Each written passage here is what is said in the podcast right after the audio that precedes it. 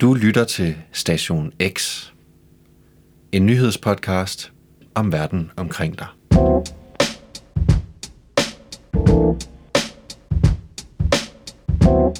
Velkommen til det fjerde og sidste program i rækken af VM-podcasts om VM i fodbolds gloværdige historie.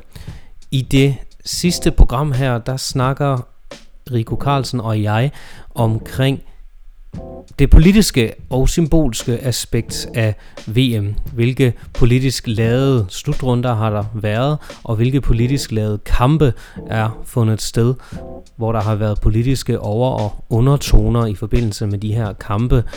Og så skal vi også snakke omkring FIFA, og hvordan FIFA som organisation har en ret plettet straffeattest.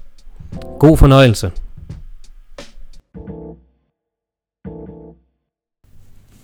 Jamen, øh, velkommen tilbage, Rico Carlsen, Jo, tak. til øh, anden omgang her. Nu snakkede vi jo i de, de første programmer her omkring VM som sportslig begivenhed, fokuseret på de 20 hidtil afholdende slutrunder. Du satte dit All-Star-hold, og vi snakkede Det lidt kan man om... så være enig i eller uenig i, men øh, Ja, jeg det er gjorde det i hvert fald. Det er i hvert fald et godt diskussions, diskussionsemne rundt omkring til, øh, til stuerne her, og til grillarrangementerne, som kommer til VM her. Øhm, det her andet program, der går vi lidt mere øh, kritisk til værks. Vi udvider vores synsvinkel lidt mere, og kigger på VM som symbolsk begivenhed, som politisk begivenhed. Øhm, snakker lidt omkring de politiske overtoner og undertoner i forbindelse med slutrunder og enkelte kampe. Lidt omkring, hvordan værtsnationer profilerer sig selv. Øhm, lidt omkring noget korruption og bestikkelse, som når vi skal snakke om FIFA, det kan man altså ikke rigtig komme udenom. Men lad os bare starte sådan øh, helt, øh, hvad skal man sige, stille og roligt og starte med at spørge, altså hvilke slutrunder har været politisk lavet igennem VM-historien?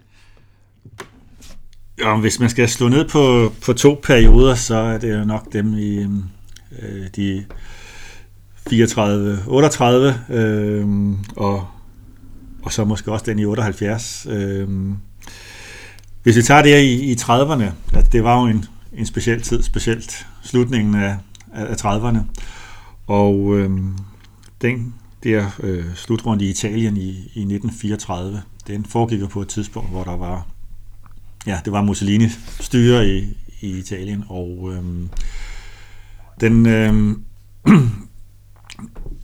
altså det, sportsligt var den jo en succes på den måde, at øh, for første gang var der så mange hold meldt til, så man blev nødt til at, at lave en kvalifikation til det. Øhm, sådan, øh, og afviklingen af de kampe, hvor Italien ikke var med i, det fungerede faktisk øh, ret godt. Øhm, det der lidt var var problemet, det var en, nu har jeg selvfølgelig af gode grunde ikke, øh, der er ikke de store tv-optagelser fra den gang, men, men øh, alt, hvad, hvad der er af materiale fra den gang, siger, at, at de fik meget kraftigt dommertække, italienerne. At øh, nu den første øh, 8. delsfinalen mod USA, den vandt de meget tydeligt øh, 7-1, så der var ikke så meget af det. Men øh, allerede i semifinalen, nej, i kvartfinalen mod, øh, mod Spanien, der øh, siger alle, at, at spanierne fik øh, to mål, klare mål underkendt. Øh, en kamp, der, der ender 1-1.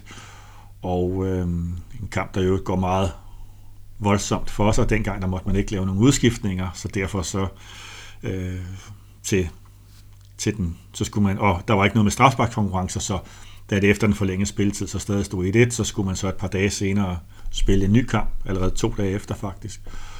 Og øhm, øh, hvor man så måtte stille et, begge hold jo faktisk måtte, måtte stille med øh, ja, halvdelen af spillerne skiftet ud, fordi de simpelthen var småskadet, de fleste af dem. Og, og som italienerne så vinder 1-0.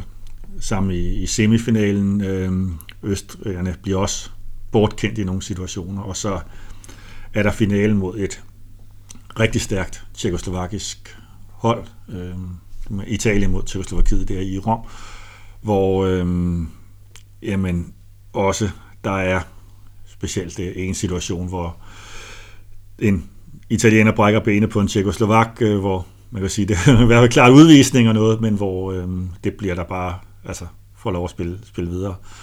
Og øh, hvor de, faktisk, de er faktisk ved at tabe alligevel italienerne, men, men vinder så efter for længe spilletid.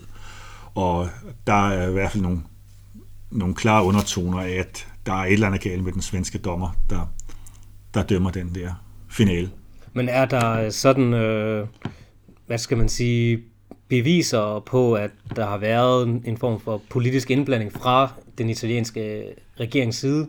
Der er ikke nogen endegyldige beviser på det. Øh, og, men altså det, øh, om det har været bestikkelse, eller det har været øh, småtrusler over for dommeren, eller, eller hvad det er, der er foregået. Øh, altså det der lidt antydninger af det, er øh, faktisk, man har truet den svenske dommer lidt måske.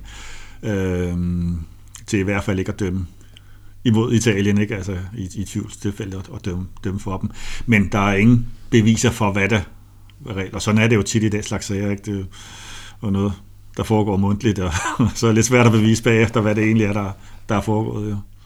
Men øh, kan man... Øh, hvad tror du, at det vil øh, betyde rent politisk for, for Italien og for Mussolini at, at, at vinde en slutrunde i 34 på hjemmebane. Jamen, øh, det er jo at vise, at det fascistiske styre var det stærkeste og det bedste, og, og de der demokratier rundt omkring ikke kunne, kunne klare sig i, i konkurrencen med, med fascisterne. Det, er jo, det har jo været noget med at, at vise, at, at hans system var det, var det bedste. Øhm, der er lidt sådan, øh, og i forlængelse også, det er så slutrunden i 38, der så foregår i Frankrig, der så er det demokrati på det tidspunkt, hvor situationen er spidset endnu mere til i, i Europa. Øhm, der har de jo så ikke dommertække italienerne, men, øh, men der er jo så kommet det med det. Øh, situationen i Tyskland, der er jo øh, er blevet en helt, der, øh, der er meget kraft, det er jo meget tæt op under, hvordan verdenskrig udvikler sig. Og der er jo blandt andet det, at Østrig som jo har kvalificeret sig til, øh, til VM der i 38. Men øh, da inden slutrunden så skal afholdes, så bliver de faktisk opslugt af, af Tyskland der i, i marts 38. Og da, da man kommer til slutrunden, så har Sverige ikke nogen modstander i 8. delsfinalen, så de går direkte videre til kvartfinalen. Til gengæld så de østriske spillere får så lov at spille med på det tyske hold, men det bliver så en dunderne fiasko for, for det der tyske store tyske hold, der så ender med at tabe til lille Schweiz i, i 8. delsfinalen. Det har Hitler ikke været glad for, Nej, jeg. så uh, Hitler havde ikke helt samme succes med det, som Mussolini havde med, med det der. Og selvfølgelig også her imellem VM-slutrunderne i 34 og 38 har man jo de olympiske lege i Berlin i 1936, øh, som jo også i den olympiske og sportshistorien ligesom står som et af de hvad skal man sige, grældeste øh, eksempler på totalitære styre, som virkelig manifesterer sin egen politiske overbevisning ved sportsbegivenheder øh, med øh, hagekors og det hele. Altså, man skal selvfølgelig, det er selvfølgelig lang tid før Holocaust og 2. verdenskrig brudt ud på det her tidspunkt. Øh, så der er ikke foregået, hvad skal man sige, krigsforbrydelser på det her tidspunkt, men det bliver ligesom brugt Ja, altså man kan jo faktisk sige, at øh, VM i 34 i Italien, at det er jo sådan lidt en slags forløber for det der meget berygtede OL i, i Berlin i, i 1936, at det er sådan nogle af de samme tendenser, som Hitler så kører fuldstændig ud i, i Berlin. Og hvis man lige skal blive inden for OL, kan man sige, at der har jo også været flere olympiske lege, som under den kolde krig, som også er blevet benyttet som politisk øh, legeplads på en eller anden øh, side med USA og Sovjetunionen, der boykotter hinanden på kryds og tværs. Ja, i 80 og 84. I 80 og 84, ja. og øh, senest i Beijing i 2008, som også var virkelig udsat for kritik. Hvordan kan man have et olympisk lege øh, i diktatur, som Kina jo altså øh, formelt set er. Øhm.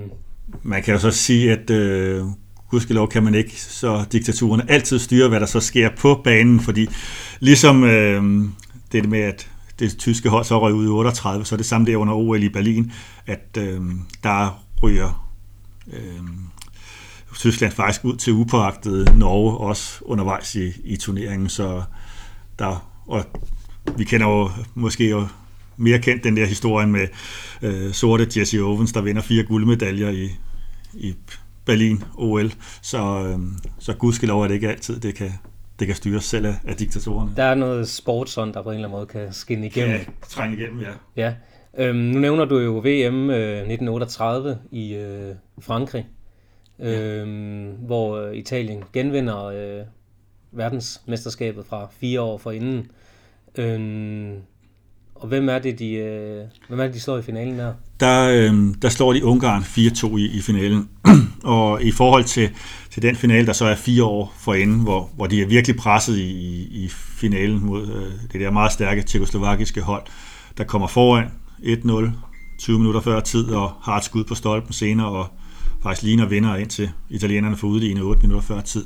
Så øh, at det ungarske hold kan ikke på samme måde presse italienerne der i finalen i 38, og, der, øh, og, de, og de vinder så.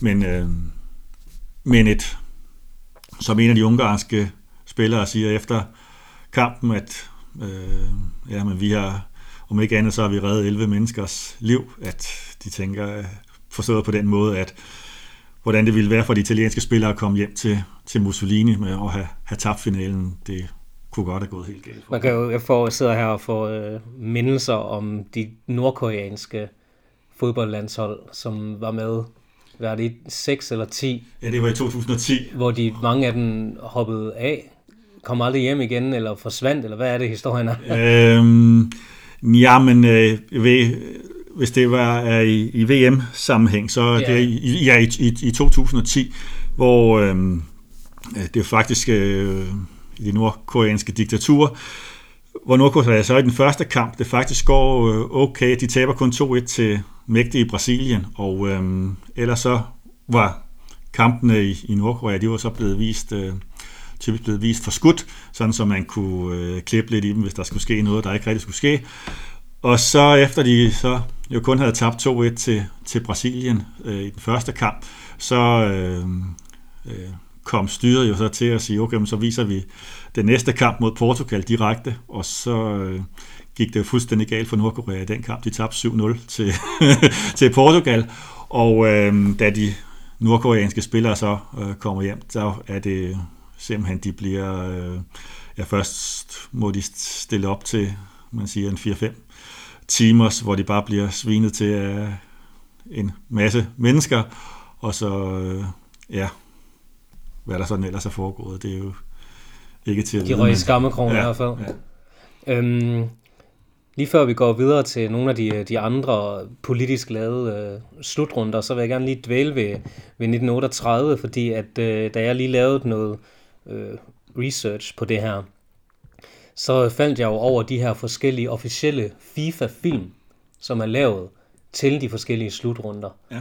Øh, som, øh, hvor man har, efter slutrunden, så laver FIFA en officiel film, som ligesom øh, viser højdepunkter for, og, og, og indkapsler slutrunden. Øh, og der er der øh, officielt set fra FIFAs side ikke nogen film fra 1938. Men der er en film, som er lavet til 1938, men FIFA om indregner den ikke. Og så så jeg filmen, og så kan jeg jo godt se, hvorfor at de ikke har den regnet med. Fordi der er øh, hejl hilsner over ja. hele linjen ja. til de her kampe. Øh, den foregik jo i Frankrig. Ja. Tyskland stillede op, havde lige indledt med Østrig. Ja.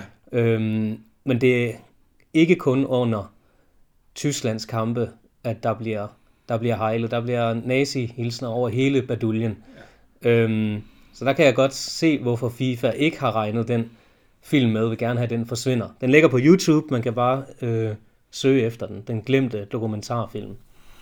Ja, Men, for det er jo det med hele stemningen der i slutningen af, af 30'erne, det var, der var jo desværre ikke kun i Tyskland, at der var folk, der havde den slags sympatier. Det var jo øhm, jo også generelt i, i den tid sådan en, øh, man desværre sige, en, en tankegang om, at når den, den tredje vej, ikke også, at øh, i stedet for, øh, nu bliver det sådan meget mere samfundsfagligt, ikke også, men hvor man fint. havde kommunismen og, og demokratierne, og så man ligesom så fascismen som en tredje vej, og det var jo ikke kun i, i Tyskland, at den slags tanker øh, desværre var, var frem. Var fremherskende, nej. Man må så sige, at øh, det, der, øh, det, det store tyske hold der, det var jo bestemt ikke noget, der så var, var populært blandt de franske tilskuere. Altså, det, øh, der blev, blev buet godt og grundigt af det der, så selvfølgelig den franske opinion var, var imod det der sådan generelt, men, men der har også været sympatisanter, ja.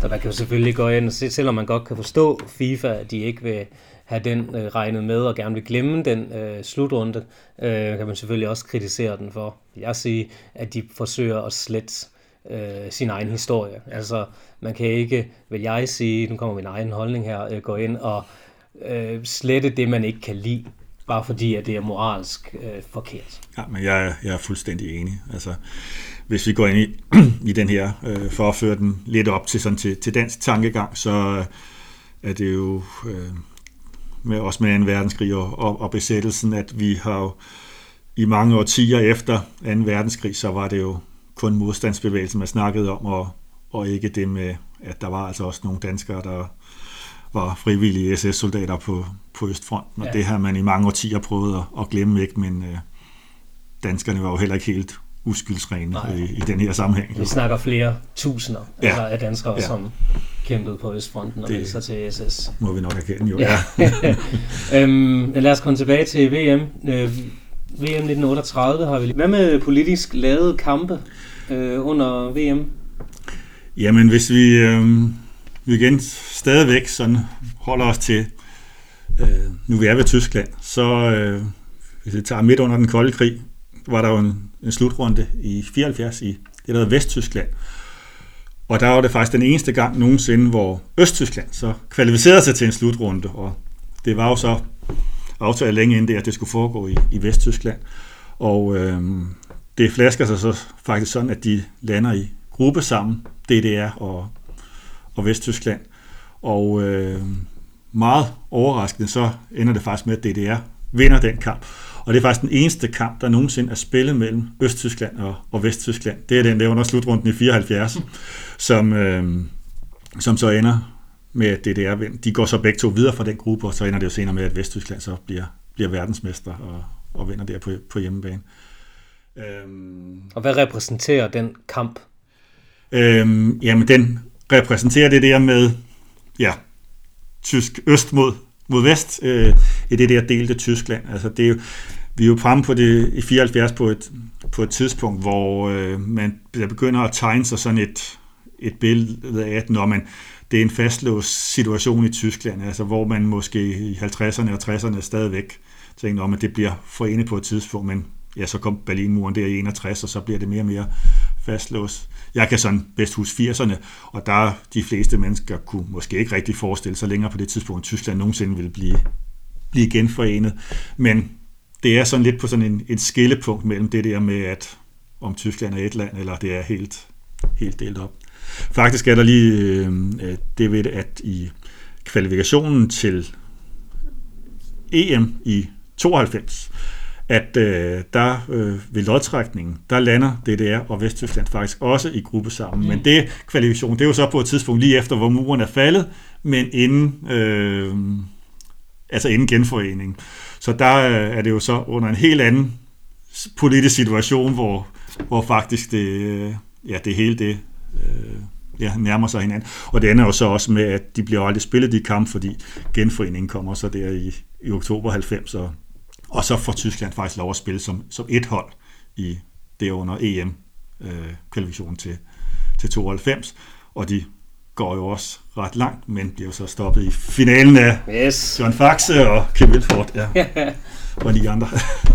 øhm, er der andre eksempler på politisk lavede kampe? Øhm, jamen under den, nu er vi igen ved de der øh, sydamerikanske diktaturer, så også det under VM i 74. En ting var så den der kamp mellem Østtyskland og Vesttyskland, men der var øh, DDR i et andet hold i gruppen, det var Chile, der så også var ja, militærdiktatur på det tidspunkt. Øh, nogle kender måske den historie med Allende, der blev, blev styrtet, og, og så kom der militær, og det foregik jo så i 73, og, og der, øh, den der kamp mellem DDR og Chile, det er jo også virkelig noget, der er, der er sådan en højintenst om det, det er nu vil stille op mod Chile og sådan noget, men det, det gør de jo så alligevel. Og, og kampen ender 1-1. Så kan man, øh, hvis vi går længere frem i, i tiden, så er der faktisk øh, en kamp som Iran mod USA i 98. Ja. Og det er jo også med en helt aktuelle situation her, hvor det ville også have været et, et, et, et stort clash, og det var det også tilbage i 98, øh, hvor øh, det faktisk på øh, faktisk er en ganske, altså det der foregår på banen, det er ikke sådan specielt voldeligt eller noget, faktisk en ret god kamp. De ender så begge to med at og der er ingen af dem, der, der går videre fra gruppen, men det ender faktisk med, at Iran vinder øh, 2-1 i den der. Og det er jo en meget prestigefyldt fyldt kamp også. Øhm, men ikke nogen af, af holdene, der, der truer med ikke at spille eller noget. Men, og iranerne, de iranske spillere giver jo øh, roser til de amerikanske spillere under indmarschen, hvad skal man kalde det, ja, for, lige før nationalmelodierne. Ligesom for at signalere det, det er. Øh, øh, en pointe ved det er så, at det bliver ikke vist i iransk fjernsyn, det der med, at de øh, gav roser til de amerikanske det. spillere. Nej, at øh, det var noget, for den vestlige offentlighed skulle se, men øh, øh, derhjemme, der, der skulle det helst ikke, der skulle det ikke vises alt for, for venligt overfor for den store satan, eller hvad det er, det ja. kalder dem, ja. ja, interessant. Så. Er der andre eksempler? Ja, men hvis vi går længere tilbage, så er der jo hele det der med, med under den, den, kolde, den kolde krig. Øhm, nu har jeg det i forrige program også et par gange været inde på det der med Ungarn øh, i 54, og øh, på det tidspunkt var Ungarn jo også et kommunistisk øh, diktatur, og øh, der var så i, før kvartfinalen i, øhm, i, i 1954, hvor de skulle møde Brasilien, der jo så var sølvvind, forsvarende sølvvinder og bestemt også havde et, et godt hold. Og, Ungarn var jo så VM-favoritter, og hvor der så er det der mødet mellem øh, katolikkerne og de gudsløse, altså mm. kommunisterne, øh, hvor det ligesom, øh, brasilianerne ligesom får givet det den øh, twist. Øh, og at, og der, nu snakker vi før om, at det gik øh, pænt for os at få banen der med Iran og USA i 98. Det gør det så bestemt ikke i, i 54 i den der kvartfinale. Det, der bliver tre udvisninger, og øhm, jamen efter kamp så opstår der også slagsmål, og der er en af de ungarske spillere, der får en smadret en flaske i hovedet. Øh, hvem der har gjort det, det ved man så ikke helt. Øh, og, øhm, og så efter kampen, at øh, så så tænker brasilianerne, hvis vi ikke kan slå dem i fodbold, så kan vi i hvert fald give dem nogle bank, og så bryder ind i Ungarnes omklædningsrum, og lyset går ud, og, og der, det var ni minutter før lyset bliver tændt igen, og, og, det, og der har også ligget noget øh, af det der politiske, øh, også hos spillerne, ikke bare hos magthaverne, men også nogle spændinger. Nogle spændinger der, ja. ja. Øhm, men jeg sige, noget mere øh, roligt på banen, men lidt af den samme tankegang, det der med, øh, med øst og vest, finder vi øh, forud for finalen i, i 1962, med, hvor det så er mellem Brasilien og, og Tjekoslovakiet, hvor der ellers inden for FIFA øh, har været store konflikten har været så mellem Europa og, og Sydamerika, noget der bunder helt tilbage i med det første VM i 1930, hvor der ikke kom ret mange europæiske hold til slutrunden der, som så gjorde Uruguay og blev væk fra øh, VM i 34 og i 38, og, og så havde den ligesom hele tiden den der konflikt mellem øh, Europa og, og Sydamerika, øh, hvor så i, øh, i semifinalen, der i 62 mellem Brasilien og Chile, der bliver en brasiliansk spiller, der hedder Garincha, han ender faktisk med at blive øh, vist ud, og så skal han jo egentlig have karantæne i finalen. Men så på en eller anden underlig måde, så får han så ikke karantæne mm. alligevel. Og øh, det man, der er sådan, man kunne forestille sig lidt at foregå inden for FIFA, det er, at det kan godt være, at de der europæere og sydamerikanere, de ikke kunne døje hinanden, men øh, der var i hvert fald ingen, der rigtig ville se en kommunistisk verdensmester, så derfor så kunne de europæerne inden for FIFA måske om, så er det trods alt bedre, det er, øh, er sydamerikanerne, der, der vinder en... Nå, sådan nogle spekulationer der. Men det er udelukkende spekulationer, hvad det er. Men, men det, det eneste er, at det, det ser bare mystisk ud, at når man er blevet vist ud i... Altså det er uanset om det var i 2018, eller det var øh, i 1962. Altså hvis man bliver vist ud, så vil man typisk få, få karantæne. Øh, i, I hvert fald i en kamp. Så. Øhm, hvordan, øh, ja, hvordan forholder du dig egentlig til det her øh, mundhæld? Man må ikke blande sport og politik sammen. Nu har vi jo set masser af eksempler på slutrunder, hvor det har været, og enkelte kampe, hvor det ligesom lægger der, som enten en overtone eller undertone. Hvad, hvad, hvad, øhm, man hører det jo tit, det må man ikke blande sammen. Det bliver tit sagt, når der er nogen, der kritiserer, at et eller andet øh, diktatur eller et eller andet bliver udpeget til at skulle øh, arrangere et eller andet sportsbegivenhed. Ja. Hvad er din holdning til det? Øhm, jeg synes øh, godt, man måske kan kigge på det, når, hvor man placerer begivenhederne øh, henne. Og det synes jeg, den er øh, faktisk øh, kikset rigt, en del her øh, de, de senere år, hvor der måske er blevet øh, lidt med store øh, sportsbegivenheder, at øh, det, det er gået fra, at i, i demokratier, der er måske tit øh, lidt modstand i befolkningen, eller noget modstand i befolkningen mod de der store arrangementer, om det vil koste for mange penge, og skal vi ikke bruge pengene på noget andet, hvor så det er lettere for de store sportsorganisationer at placere dem i nogle diktaturer, for der er ikke så mange, der befolkningen kan, kan rigtig brokke sig. Og det har jo, øh, og her snakker jeg om sådan de sidste øh, sådan 10 år, ikke, at vi har haft OL i Beijing i, øh, i 8, ikke, og øh, ja, øh, der har været øh, vinter-OL i Rusland. Vinter-OL i Rusland, det var den Sochi i 14, det var den, jeg ledte lidt efter. Og så øh, placeringen af, af VM-slutrunderne i, i 18 og, og i, i 22.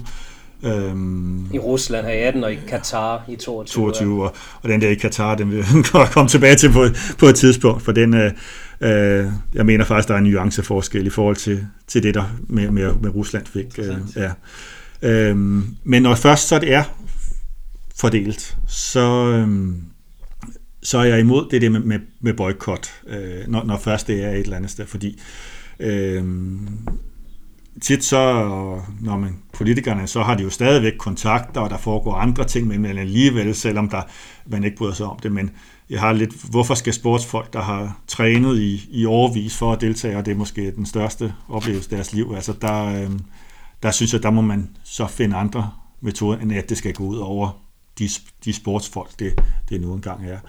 Og jeg vil også sige sådan noget som nu er, der er stor konflikt mellem Rusland og, og England her i, i øjeblikket, ikke? Og, der har været enkelte engelske røster om, når man skulle man boykotte øh, VM, og der mener jeg, at det ville ikke have den store e-, effekt, hvis, hvis England valgte at blive væk, for man skulle nok finde et eller andet andet land, der ville møde op i stedet for, for dem eller noget, og, og jeg tror at slutrunden, når, når først den er, der sker tit det, at når først slutrunden er i gang, når man så er det det sportslige, der, der er fokus på, uanset hvor meget snak, der har været op til om alt muligt andet, når først åbningskampen har været der, så, øhm, så det er min begrundelse for at være, så være lidt imod det med boykot. Ja.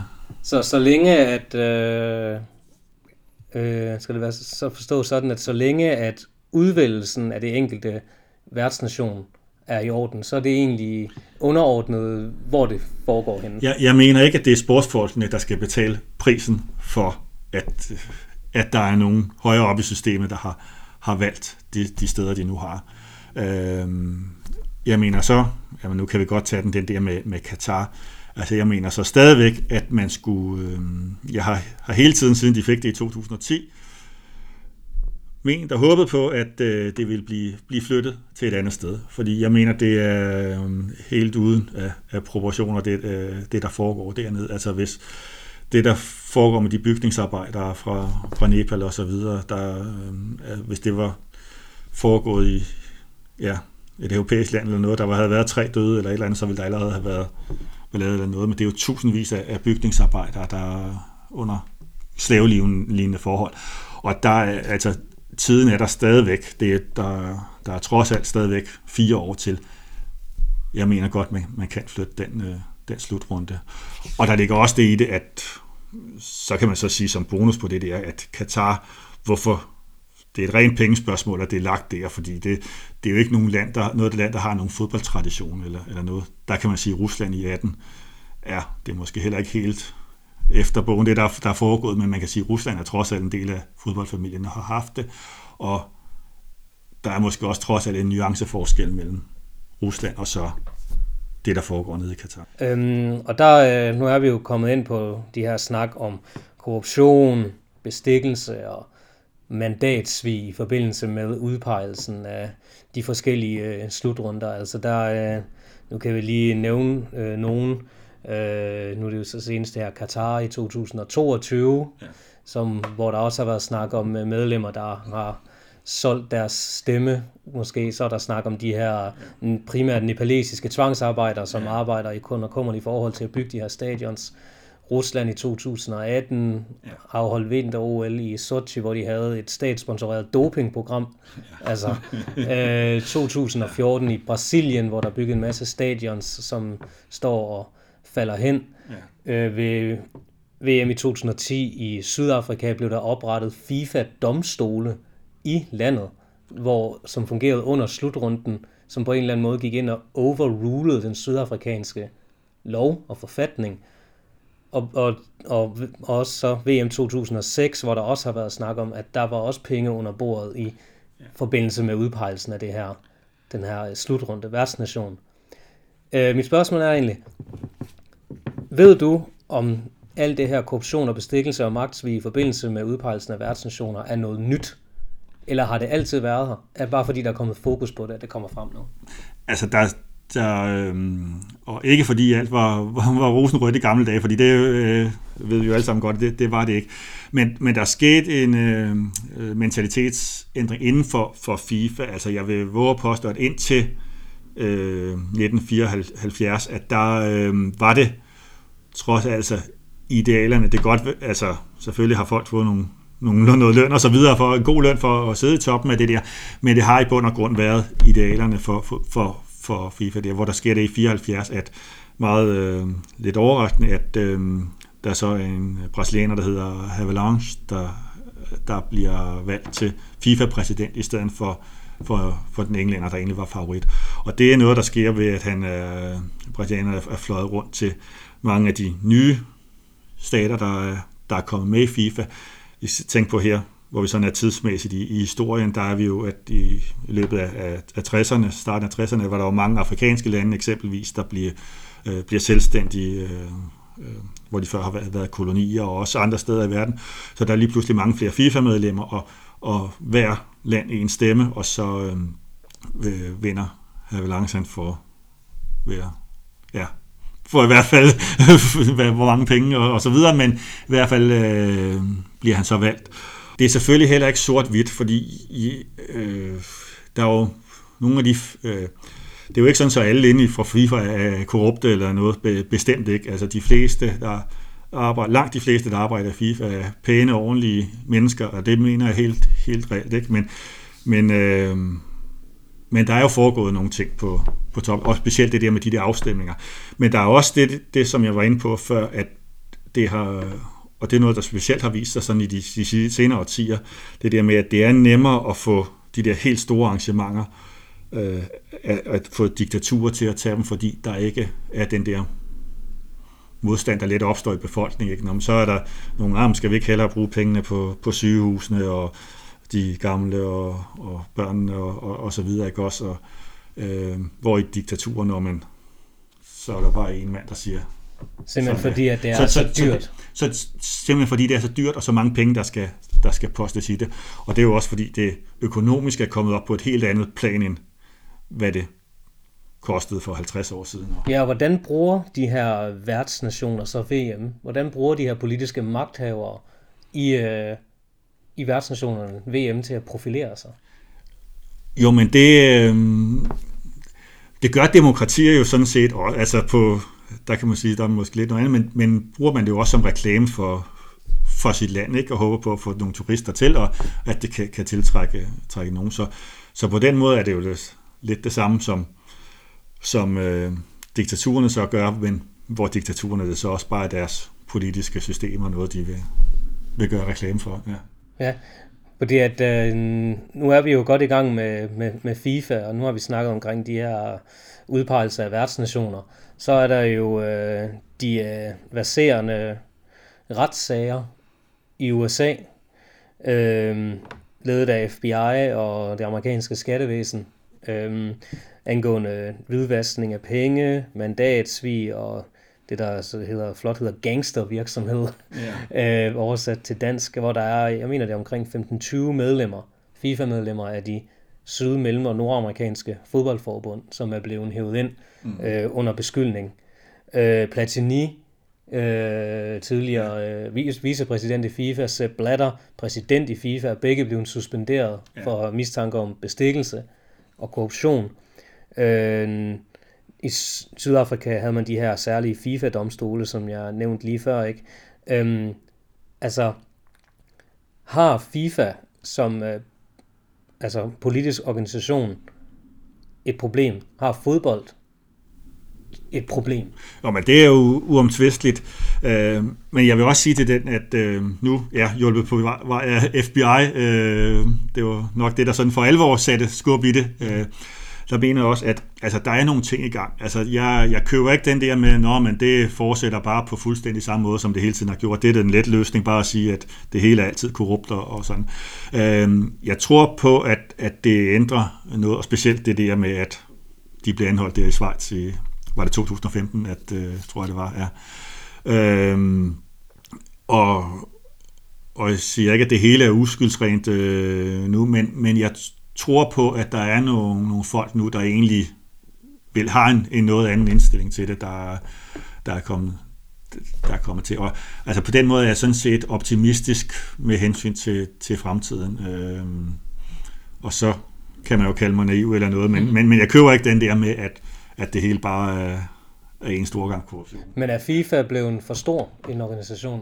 Jamen, det, er jo, det er jo selvfølgelig det, at øh, at der er en forskel fra, fra den gang, hvor, hvor FIFA startede, hvor det var nogle hovedsagelige europæiske øh, mange ja, demokratier, der, der, øh, der lavede det her øh, sammen, og så er det jo bredt ud til, til hele verden, og der er jo mange, mange flere lande med, end der, der var dengang, og det øh, øh jeg tror, hvis man lavede et, et tjek på fra for 50 år siden og, og så til nu, det, det, er jo, det er jo desværre sådan, at at demokratier nok efterhånden er, er et mindretal, hvis man ser ud over verdens lande, så det, ja, jeg ved ikke, hvordan jeg skal komme det nærmere ned, ikke? Men, men det giver nogle, nogle problemer med, med en helt anden, øh, folk der kommer med en helt anden mentalitet. Og for lige at øh, runde øh, snakken om FIFA af og køre både et, øh, et spørgsmål, som både kan tages rent sportsligt og så rent øh, økonomisk, politisk.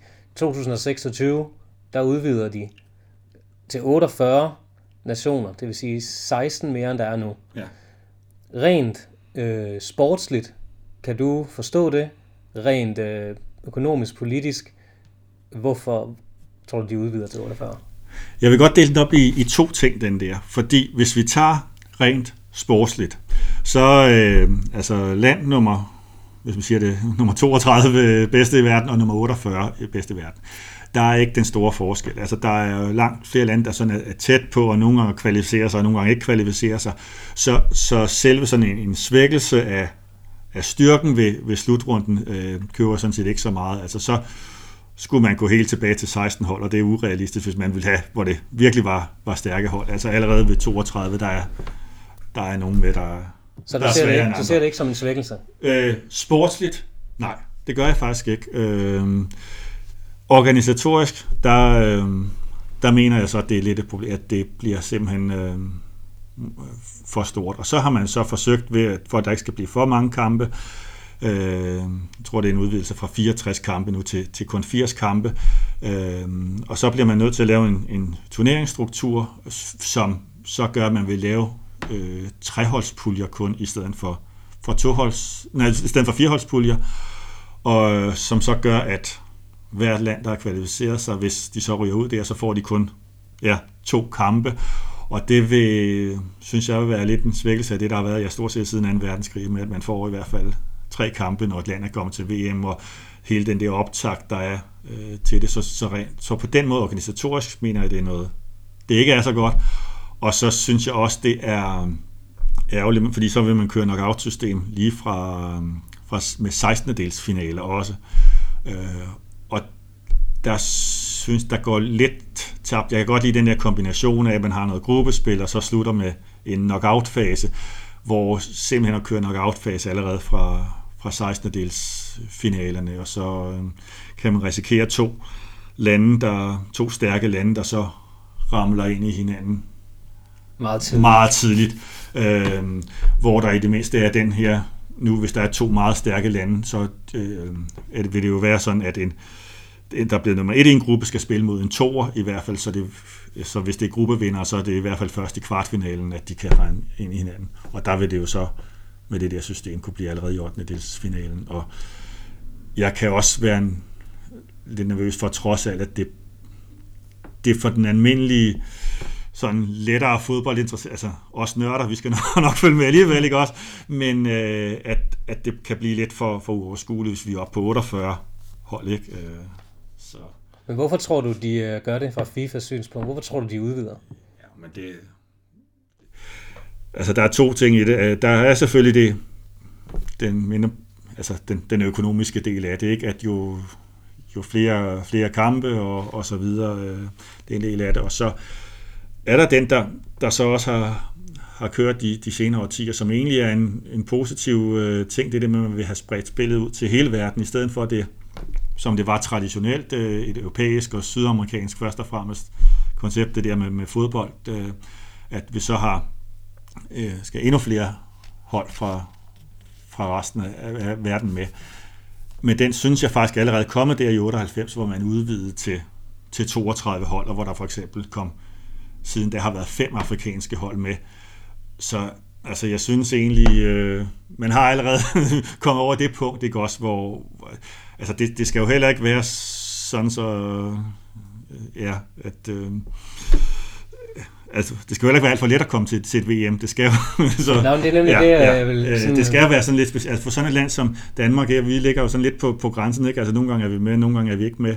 Så er der sådan nogle lande som... Øh, som Tyskland og ja, så skulle jeg til at sige Italien, men de er jo så ikke med denne gang, ikke? men som så ellers traditionelt altid har været med, ikke også, men som så ikke er med for første gang i 60 år, men at, at selv et land som, som Italien kan, kan risikere at ryge ud hvis i kvalifikationen, ikke? at man skal, og øh, nu snakker vi jo meget øh, om den politiske aspekt i den her, det her program. Øh, der er jo de her forskellige øh, øh, citater, du ved, sådan, der bliver snakket om, at øh, krig er politik med andre midler, eller krig er politik med våben, og politik er krig uden våben, og sådan nogle ting, ikke? Øhm, og det er jo nogle af de ting, som der giver øh, VM slutrunde kolorit, når det, der kommer de der, ja. en, øh, noget form for øh, historisk, politisk baggrund for en fodboldkamp, som der ligesom kan give noget ekstra. Vi kan også bare tage det med, med Danmark og Sverige, ikke? Altså, ja. det er måske lidt mere på jævnbyrdigt niveau, ikke? At, øh, øh, også historisk, ikke? Men der er jo også noget ekstra. Og der kan man sige her, at de, de sidste 10 år er det faktisk påfaldende, hvor, hvor mange gange vi så er landet ind i Sverige i forskellige kvalifikationsgrupper. Øh, for tidligere så var det jo kun venskabskampe, men af en eller anden grund så har vi jo så spillet en hel del kamp mod Sverige her de senere år, og der, der giver det jo også noget ekstra. At jeg håber virkelig, at vi møder dem under, ja. under VM her. Ja, det, det kan jeg. Virkelig, ja. Men, øh, jeg tror, at det svære så er det først, det tidligst kan blive en semifinale ud fra lodtrækningen, men øh, så lidt hurtig hovedregning her, men, øh, men ja, så, så tager vi det med. Ja. Så tager vi den til semifinalen. ja. Ved du hvad, øh, tak for øh, snakken, Rico. Jeg synes, vi kom øh, godt omkring. Det har været en øh, fornøjelse øh, at komme på besøg og snakke og nørde omkring øh, knap 90 års VM's historie. Du skal have mange tak. Jo, i lige måde.